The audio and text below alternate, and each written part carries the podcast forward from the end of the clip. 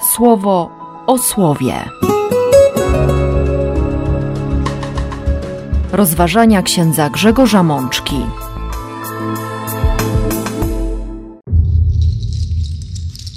Trzecia niedziela Adwentu, rok C.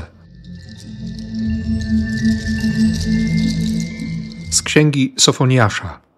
W owym czasie Pan tak się odezwie do Jeruzalem. Nabierz otuchy, Syjonie, nie opuszczajcie swych rąk. Pan, Twój Bóg, jest pośród Ciebie. On, mocarz, wybawi Cię. Z księgi Izajasza. Oto mój Bóg jest moim wybawcą i Panem. Jemu zaufam. Dzięki niemu doznam ocalenia. Z listu świętego Pawła do Filipian. Pan blisko. Z Ewangelii według świętego Łukasza. Nauczycielu, co mamy robić? A on im rzekł: Niczego więcej nie róbcie niż to, co jest wam nakazane. Siostry i bracia, jesteśmy już za półmetkiem. Pierwsza połowa Adwentu już za nami, choć to jeszcze nie koniec tej pierwszej części, w której e, skupiamy nasze myśli na przyjściu Chrystusa, gdy wszystko się skończy. Oczekiwanie na Boże Narodzenie nam towarzyszy w czasie rorat. Jeśli w nich uczestniczycie, to bardzo dobrze. Jeśli korzystacie z rozmaitych propozycji, choćby w naszym radiu, to również z tego powodu bardzo się cieszymy. Natomiast to bezpośrednie przygotowanie do świętowania rocznicy narodzin naszego Zbawiciela zacznie się dopiero 17 grudnia. Dlatego ta trzecia niedziela Adwentu, którą w tradycji nazywamy niedzielą Gaudete od pierwszych słów introitu, tej antyfony na rozpoczęcie Eucharystii, pochodzącej z listu do Filipian Radujcie się. Jest niedzielą rozjaśnioną nawet trochę kolorem szat liturgicznych, kolor różowy czy różany, ta jutrzenka, która wschodzi, nadzieja na spotkanie z Bogiem. I Kościół tutaj nie myśli o tej nadziei, że wreszcie będziemy świętować Boże Narodzenie i że będzie tak pięknie, i znowu kolendy, i znowu szopka, i ta radość pasterki, i tak dalej, i tak dalej, ale ma dojrzewać w nas i dzisiaj też wydostać się na zewnątrz radość z powodu zbliżającego się nadejścia Pana. Bóg, który był, który jest i który przychodzi, przychodzi nieustannie. Mogę się ucieszyć tym, że, że Pan jest blisko. Co więcej, Pan jest Bogiem bliskim i chce być Bogiem bliskim mojemu sercu. Jemu na tym o wiele bardziej zależy niż, niż mnie samemu. I o tym chcą nam powiedzieć dziś wszystkie cztery teksty liturgii. Dwóch proroków nas będzie w tym utwierdzać, zarówno Sofoniasz, jak i Izajasz, później apostoł Paweł, właśnie we fragmencie listu do Filipian, i wreszcie ewangelista Łukasz zda nam relację z tego, jak wyglądały spotkania ludzi z Janem Chrzcicielem w Dolinie Jordanu. A zatem najpierw trzeci rozdział proroctwa Sofoniasza. Praktycznie ostatnie wersety tej księgi, w których Bóg najpierw żali się na bezbożność swojego ludu. Opowiada o konsekwencjach właśnie takiego życia. Mimo, że wzywał, nawoływał, pouczał, to, to serce ludu, serce umiłowanego miasta nie zaufało Panu i nie zbliżyło się do swojego Boga. Dlatego on obalił wyniosłych, dopuszczając ruinę, pozwolił na opustoszenie, ale jednocześnie wzywa do oczekiwania, bo, bo on przyjdzie. Co więcej, nawet e, tych, którzy są prześladowcami Izraela, zmieni język, by wszyscy wzywali imienia Pana i by mu służyli. Przeczytamy w wersecie jedenastym. W owym dniu nie będziesz już się wstydzić wszystkich swoich postępków, którymi okazywałaś mi swoją bezbożność. Wtedy bowiem usunę dzieła Twojej pychy, godne pogardy. Już więcej nie będziesz się wywyższać na mojej świętej górze. Zatrzymam sobie u Ciebie lud cichy i pokorny i czcić będą z bojaźnią imię Pana ci pozostawieni z Izraela. Nieprawości dopuszczać się nie będą, ani wygłaszać słów próżnych. W ich ustach nie znajdziesz języka podstępnego. To oczywiście obietnica, która dotyczy Izraela, mówi o tym wybranym ludzie Boga, ale wiemy, że to słowo chce dotrzeć również do naszego serca, pomimo tego, że go nie usłyszymy w liturgii, bo przeczytałem te wcześniejsze wersety. Rysując jakby kontekst dla tych czterech wersów, podanych nam jako pierwsze czytanie podczas tego posiłku liturgicznego, jakim są również te dania ze Słowa Bożego. Pan odezwie się: Nabierz otuchy, nie opuszczajcie swych rąk. On, mocarz, wybawi, przywiedzie do ciebie radość, odnowi cię swoją miłością. Rozweseli się przy tobie szczęściem, jak w dniu świątecznym, ugości zgnębionych. On będzie działał wśród ciebie dla ciebie. Bóg obiecuje: wybawię cię, przygarnę, uczynię chlubą. Wszyscy się zawstydzą, kiedy ja cię przygarnę. Jak wiele jest w nas właśnie takiej tęsknoty. Jak bardzo chcemy, jak bardzo szukamy, jak bardzo pragniemy tego zainteresowania, tej chwili uwagi. Ile jesteśmy w stanie zrobić, żeby ktoś zatrzymał się choćby na moment i powiedział: Tak, jesteś kimś. Co robimy, żeby nas nie pomijano? Warto dzisiaj siebie o to zapytać i pomyśleć też, gdzie my szukamy tego zainteresowania, gdzie szukamy chwili uwagi, gdzie są te światła reflektorów, kto ma je włączyć, żeby, żeby nas wreszcie zauważono. Jak bardzo nam zależy i na czyim wzroku nam zależy. Bo Adwent to także czas zastanawiania się nad sobą, szukania źródła, dzisiaj źródła tej radości. Czy to będzie ślizganie się jakieś po wierzchu, szukanie jakichś uciech, wesołkowatości, czy zdobędziemy się jednak na to, żeby wejść bardzo głęboko, żeby sięgnąć do fundamentów, żeby może w tej proponowanej nam często na roratach ciemności odkryć autentyczną bliskość Boga. Tak, ucieszyć się tym, że Bóg jest Bogiem bliskim, że chce być Bogiem bliskim. Że my naprawdę, i nie tylko przez gest y, komunii na dłoń, mamy go na wyciągnięcie ręki. Warto dziś o tym pomyśleć, warto się nad tym zastanowić. Wezwanie jest konkretne: nabierz otuchy, nie opuszczaj rąk, nie poddawaj się, nie zgadzaj się na miałkość życia, na byle jakość, na to wszystko jedno. Nie myśl, że nie da się już nic zrobić, że zmiana jest niemożliwa. Nie wierz w to, że nie ma nadziei. Obietnica, którą Bóg daje przez Sofoniasza, jest obietnicą dla wielu nierealną, niemożliwą do spełnienia. W najlepsze trwanie wola nie ma znikąd nadziei. Nawet mglista jutrzenka wolności absolutnie nie wstaje. Jak uwierzyć? Jak przyjąć to słowo? Może też popatrzymy na księdza ubranego dzisiaj w różany czy w różowy ornat i powiemy sobie: i po co? I po co to wszystko? Może właśnie dlatego, żeby, żeby usłyszeć jeszcze raz obietnice, które są prawdziwe, to znaczy prowokują nas do wejścia w relację z Bogiem, który jest prawdą. I ta prawda nie jest suchym stwierdzeniem faktu, a dynamicznym działaniem. Może trochę ukrytym, może nie z tej strony, ale, ale działaniem. Tęsknotą, która znajdzie spełnienie, która się zrealizuje.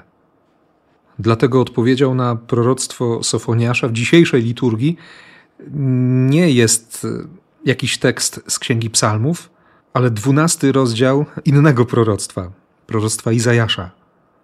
Owego dnia powiesz: Pragnę, o Panie, wysławiać Ciebie. Oto mój Bóg jest moim wybawcą i Panem. Zaufam mu. Nie będę się lękał. On moim ratunkiem.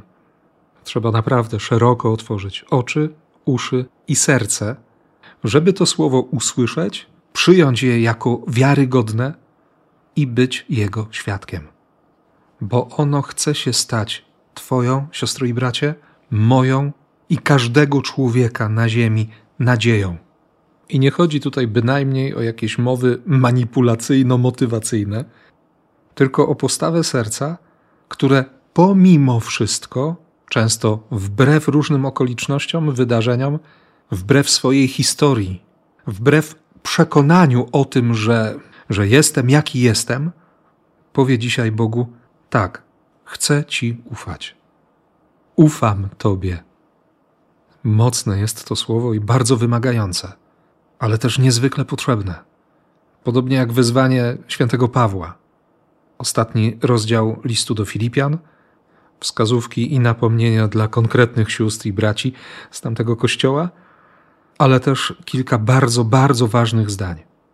Bez przerwy radujcie się w Panu. Jeszcze raz powiem, radujcie się. Wasza dobroć niech daje się poznać wszystkim ludziom. Pan blisko. O nic się nie martwcie. Pokój Boży ogarniający każdą myśl będzie strzegł waszych serc i waszych dążeń. I po kilku kolejnych zdaniach, które opisują ogromną radość Pawła, są też podziękowaniem za troskę tamtej gminy, pojawia się to bardzo dobrze znane. Wszystko mogę w tym, który mnie umacnia. I to jest właściwy klucz do zrozumienia chrześcijańskiej radości.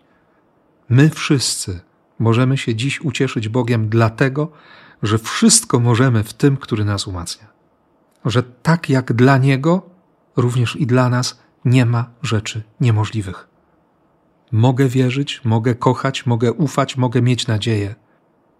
Pewnie, że nam często bliżej do płaczu, do smutku, bo trudności, bo bolączki, bo sprawy drażliwe albo drażniące, bo obawy, różne lęki, przerażenie, zatrute środowisko, zatrute umysły, serca też w nie najlepszej kondycji. Sytuacja na pierwszy rzut oka chciałoby się powiedzieć generalnie niewesoła. Ciągłe wewnętrzne rozdarcia. No sporo tego wszystkiego jest i w nas, i wokół nas. A jednak chcemy tego pokoju, nie? chcemy wolności, chcemy doświadczyć trochę radości. I czasami jest tak, jak, jak się wychodzi na jakiś bazar. Bywa, że się znajdzie okazję i nie poniesie zbyt dużych kosztów zakupu, ale potem po bliższym przyjrzeniu się i, i dobrej, już tak na chłodno, na zimno ocenie towaru okazuje się, że to tandeta, podróbka. Dlatego właśnie my wracamy do źródła, do fundamentu. Szukamy w sobie i we wspólnocie Kościoła odwagi, by zbadać swoje serce, by ta radość, o której mówi nam liturgia, była prawdziwa, by, jak to powie Jezus w czasie ostatniej wieczerzy, była pełna, by była napełniona łaską, doświadczeniem miłosierdzia i dzięki temu wypełniła to wszystko, co jest w nas jakimś głodem, tęsknotą, pustką nawet. I tu właśnie pojawia się święty Jan w trzecim rozdziale Ewangelii w redakcji świętego Łukasza. We mszy świętej rozpoczniemy lekturę tej Ewangelii od wersetu dziesiątego trzeciego rozdziału. W ubiegłym tygodniu skończyliśmy na wersecie szóstym, ale dobrze jest usłyszeć również wers siódmy, mimo że jest bardzo, bardzo trudnym tekstem. Do rzesz, które przychodziły przyjmować u niego chrzest, mówił: O pomiocie żmii, któż to was ostrzegł, żeby uciekać przed zbliżającym się gniewem? Mija kilkanaście wersetów, i w osiemnastym wersie, czyli ostatnim zdaniu dzisiejszej Ewangelii, słyszymy takie podsumowanie świętego Łukasza. I jeszcze wiele innych wezwań kierował do ludu, głosząc dobrą nowinę. Pierwsze słowa Jana zapisane przez świętego Łukasza brzmią o pomiocie żmij, a podsumowaniem tego przemawiania jest stwierdzenie wiele innych wezwań kierował głosząc dobrą nowinę, głosząc Ewangelię. Owszem, czasami trzeba wstrząsów, trzeba rzucić błotem w twarz. Jeśli wiem, że serce samo nurza się w błocie. Jan, można by trywialniej przysłowiowo powiedzieć, absolutnie nie brał jeńców. On po prostu bardzo twardo mówił całą prawdę, nie zastanawiając się, czy ktoś się obrazi, kogoś to dotknie, ale najwyraźniej jego sposób głoszenia też przynosił efekty. Ludzie przychodzili, tłumy ciągnęły do niego. Ale trzeba też sobie uświadomić, że w każdym ze słów Jana Chrzciciela była niezwykła, ogromna żarliwość o Boże prawo, czyli o Boże obietnice. On był świadkiem obietnicy. I nawet te trudne słowa były Ewangelią, bo były odbiciem jego ogromnej tęsknoty za mającym nadejść. W kolejnych wersetach, które usłyszymy jako Ewangelię na dziś, Jan nie mówi nic szczególnego. To, no to są nawet jakieś banały. Co mamy zrobić? Kto ma dwie suknie, niech się podzieli. Kto ma jedzenie, niech tak samo czyni. Nie róbcie niczego więcej niż to, co wam nakazane. Chodziło o poborców podatków oczywiście i o nieuczciwe bogacenie się. Żołnierze przychodzą, pytają: My co mamy robić? Na nikim nie wymuszajcie pieniędzy, nie oskarżajcie fałszywie, obywajcie się waszym żołdem. Niby nic, przypomnienie tego, co najbardziej podstawowe, przypomnienie tego, co pozwala normalnie żyć. Takie zwyczajne, no bądź człowiekiem. A że ludzie czekają i że wszyscy się zastanawiają, czy przypadkiem Jan nie jest Mesjaszem, on mówi bardzo jasno: Chrzczę wodą, idzie mocniejszy, nie jestem godny, aby rozwiązać rzemień jego sandałów. On was ochrzci w duchu świętym i w ogniu. Pewnie, że osobowość Jana pociąga ludzi. Heros, tytan ascezy, człowiek oddany Bogu, ktoś, kto się modli nieustannie i to widać, ktoś, kto zwycięża pokusy, to również widać. I on nagle odzywa się, idzie mocniejszy ode mnie. Nie jestem godzien, aby rozwiązać rzemień jego sandałów. Może właśnie te lata ascezy, modlitwy, walki z sobą samym i pewnie z demonami zaowocowały w Janie tym prawdziwym spojrzeniem na siebie. On nie musi wchodzić w czyjeś buty. On pokaże baranka, który gładzi grzech świata. I nie będzie się obrażał, że uczniowie, którzy są nim zafascynowani, pójdą za tamtym, pójdą za Jezusem. Co więcej, on zdaje sobie sprawę z tego, że, że własną mocą, własną modlitwą, tą wewnętrzną siłą nie jest w stanie nikogo wykupić od grzechu, nawet samego siebie. Nie jest w stanie wyrwać kogoś z niewoli diabła. Wiemy, że ten gest rozwiązywania sandałów po pierwsze był gestem niewolnika, a po drugie odnosi się tutaj do zwyczaju związanego z prawem lewiratu. Przeczytamy o tym choćby w 25 rozdziale Księgi Powtórzonego Prawa albo w czwartym rozdziale Księgi Ród. Jan daje wyraźnie do zrozumienia, że nie o nim są obietnice mesjańskie, że bycie Mesjaszem, dla którego lud wybrany będzie swego rodzaju oblubienicą, nie jest jego powołaniem. Zdjąć sandały to, to prawda o wiele głębsza niż tylko targowanie się o kobietę e, w tradycji żydowskiej. Zdjąć sandały to także objawić siebie albo obnażyć swojego ducha. Sandałem dla duszy jest ciało. Mojżesz, który został wezwany na chorebie do tego, żeby zdjąć sandały, bo to jest ziemia święta, został zaproszony, właściwie wezwany do tego, odsłoń przede mną swoją duszę, odsłoń przede mną siebie, bo ja siebie odsłaniam. Tak powiedział mu Bóg. Tym bardziej, że za chwilę przedstawił się Mojżeszowi: Jestem, który jestem, tutaj, teraz, dla ciebie jestem. Mojżesz odsłonił prawdę o sobie, o swoim wypalonym życiu, i to odsłonięcie pozwoliło mu przyjąć Boga, który się objawił, który też się odsłonił. Dlatego to adwentowe wezwanie do nawrócenia, które nam ciągle towarzyszy, jest szansą na odsłonięcie przed Bogiem prawdy o nas, prawdy o naszym sercu, o naszym życiu, właśnie po to, aby, aby przyjąć objawiającego się Boga, Stwórcę, Pana, Króla Wszechświatów. I tu naprawdę nie chodzi o stwierdzanie faktów, ale o zgodę na budowanie relacji, na stanięcie przed Bogiem z odsłoniętą duszą i przyjęcie całej pełni miłości, objawionej choćby w tych obietnicach, e, których posłuchaliśmy u Sofoniasza czy Izajasza. I to jest właściwy powód do radości. I na tym polega nasze świętowanie niedzieli Gaudete. I takiej radości, siostry i bracia, z całego serca Wam życzę. Niech ona w Was dojrzewa, niech Was umocni, niech Was przemienia. Niech będzie Waszą siłą i niech Was pociąga ku Chrystusowi. Niech tak się stanie. Amen. Słowo o słowie.